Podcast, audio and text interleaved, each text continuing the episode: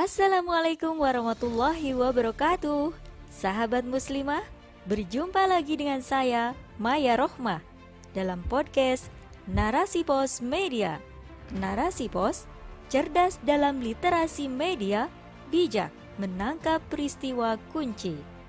Jangan lupa follow, like, komen, dan share konten-konten yang ada di sini ya Rubrik Opini. Anak jadi tumbal pesugihan. Bukti negara telat melibas kesyirikan. Karya Heni Rohmawati SEI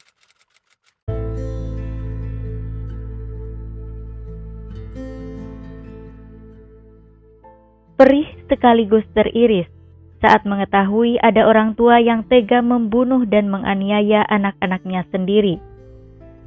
Berita mengenaskan ini berasal dari Goa, Sulawesi Selatan pada Minggu 5 September 2021 dari kompas.com. Diberitakan sekeluarga mengikuti sebuah ritual pesugihan dengan mengorbankan kedua anak perempuannya sebagai tumbal. Sang kakak berinisial DS 22 tahun telah meninggal akibat dicekoki garam sebanyak 2 liter dan adiknya AP 6 tahun dicongkel bola matanya. Sungguh biadab perbuatan keluarga ini terhadap anak-anak yang seharusnya mereka sayangi dan lindungi. Hingga kini, kasus ini masih diusut oleh pihak kepolisian untuk mengetahui asal-usul ritual sesat yang sangat berbahaya ini. Sungguh tak bisa dibayangkan aksi biadab oleh keluarga terdekat korban tak ada perasaan kasihan dan juga perlindungan. Keluarga telah berubah menjadi monster paling menakutkan. Telah hilang rasa manusia dan cinta kepada anak yang dilahirkannya sendiri. Rasa sakit tak terperi dirasakan oleh sang putri Ape. Bocah yang masih butuh penjagaan orang tua malah jadi tumbal pesugihan menyesatkan.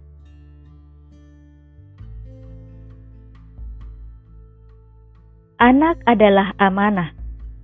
Anak adalah amanah sekaligus darah daging orang tuanya. Seharusnya naluri orang tua terhadap anaknya bagaikan samudra kasih sayang yang penuh kelembutan. Jika anak sakit, pastilah orang tua akan segera mencarikan obat untuk mengobatinya. Bila anak meminta, orang tua akan segera memenuhi permintaan yang dibutuhkan sesuai dengan kesanggupannya.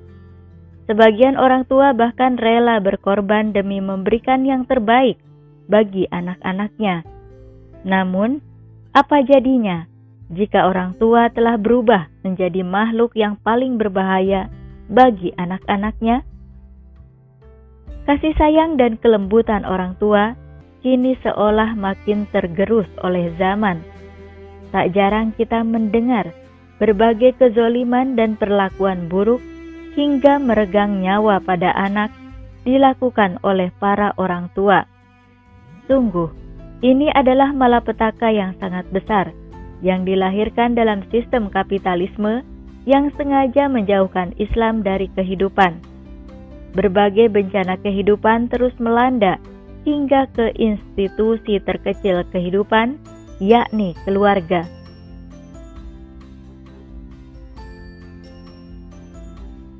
Kesyirikan lestari karena dibiarkan.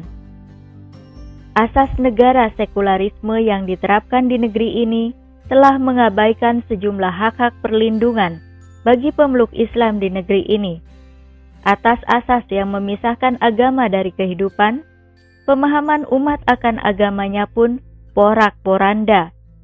Meski masih ada undang-undang tentang kebebasan memeluk agama, nyatanya tak mampu menjaga umat ini dari kesyirikan dan paham sesat lainnya yang terbukti merugikan umat ini, baik dunia dan akhiratnya. Praktik kesyirikan di Indonesia masih berlangsung luas di sebagian besar masyarakat. Aneka tuntutan kebutuhan dunia telah membutakan mata dan menggelapkan hati, di antaranya pesugihan agar dagangan laris hingga ilmu kekebalan. Lemahnya iman dan pemahaman Kelestarian syirik juga akibat dari lemahnya iman.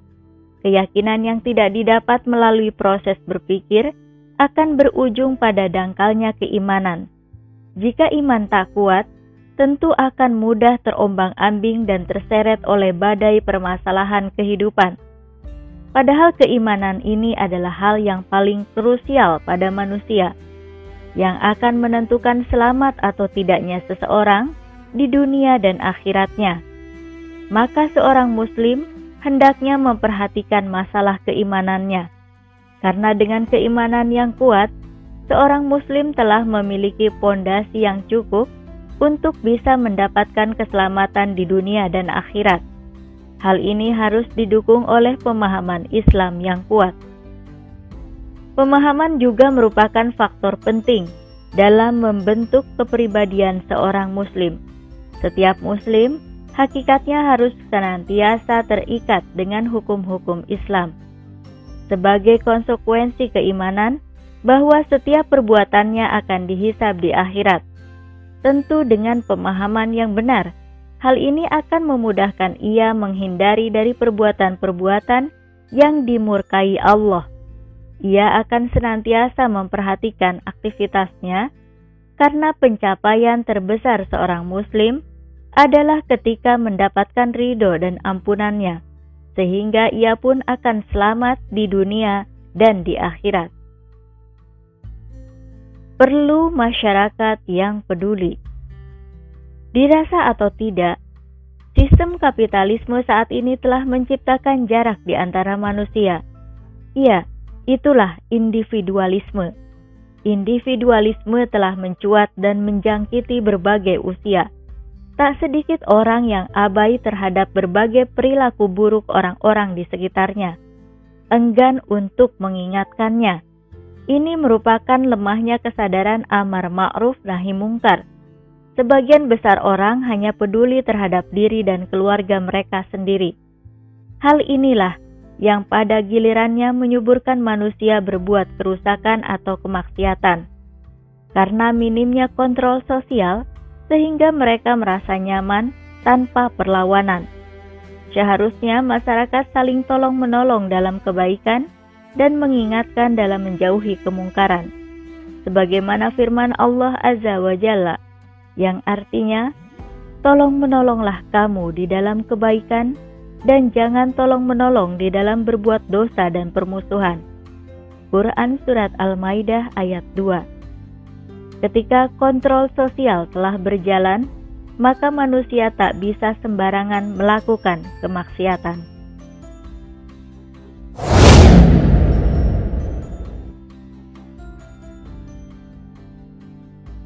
Perlu kehadiran negara dalam menjaga akidah umat negara hadir sebagai pelindung rakyat, sebagaimana sabda Rasulullah Shallallahu Alaihi Wasallam yang mulia, al imamu ra'in, wahwa mas'ulun an ra'iyatihi. Artinya, kalian adalah pengurus rakyat atau khalifah, dan ia bertanggung jawab atas pengurusan rakyatnya. Hadis riwayat Bukhari. Dalam Islam, negara memiliki peran penting Salah satunya adalah menjaga agama dan akidah umat. Negara tak akan membiarkan paham-paham sesat merajalela. Negara juga akan memperhatikan kehidupan rakyat hingga kesejahteraannya agar rakyat tak mudah terpapar berbagai ritual pesugihan. Karena rakyat telah memiliki iman yang kuat, juga kesejahteraan yang mapan. Negara pun akan mengedukasi rakyat dengan pemahaman Islam melalui berbagai sarana, bisa melalui pendidikan formal dan non-formal, bahkan media cetak dan elektronik, atau dengan teknologi mutakhir yang diperlukan. Saat rakyat telah memiliki keimanan yang benar dan pemahaman Islam yang kuat, maka ini berarti kondisi masyarakat telah kuat, mampu menghindari paham sesat, dan bahkan membantu negara dalam aktivitas amar ma'ruf nahi mungkar. Berharap peran negara saat ini hadir dalam menjaga akidah umat sangatlah susah. Jangankan menjaga, aliran sesat pun di negeri ini malah dipuja, semakin menyesakkan dada. Saat umat butuh pembelaan dan perlindungan dalam hal akidah, negara cenderung banyak melakukan tindakan yang kontroversial. Akankah perlindungan akidah umat didapatkan dalam sistem sekuler? Wallahu a'lam bishawab.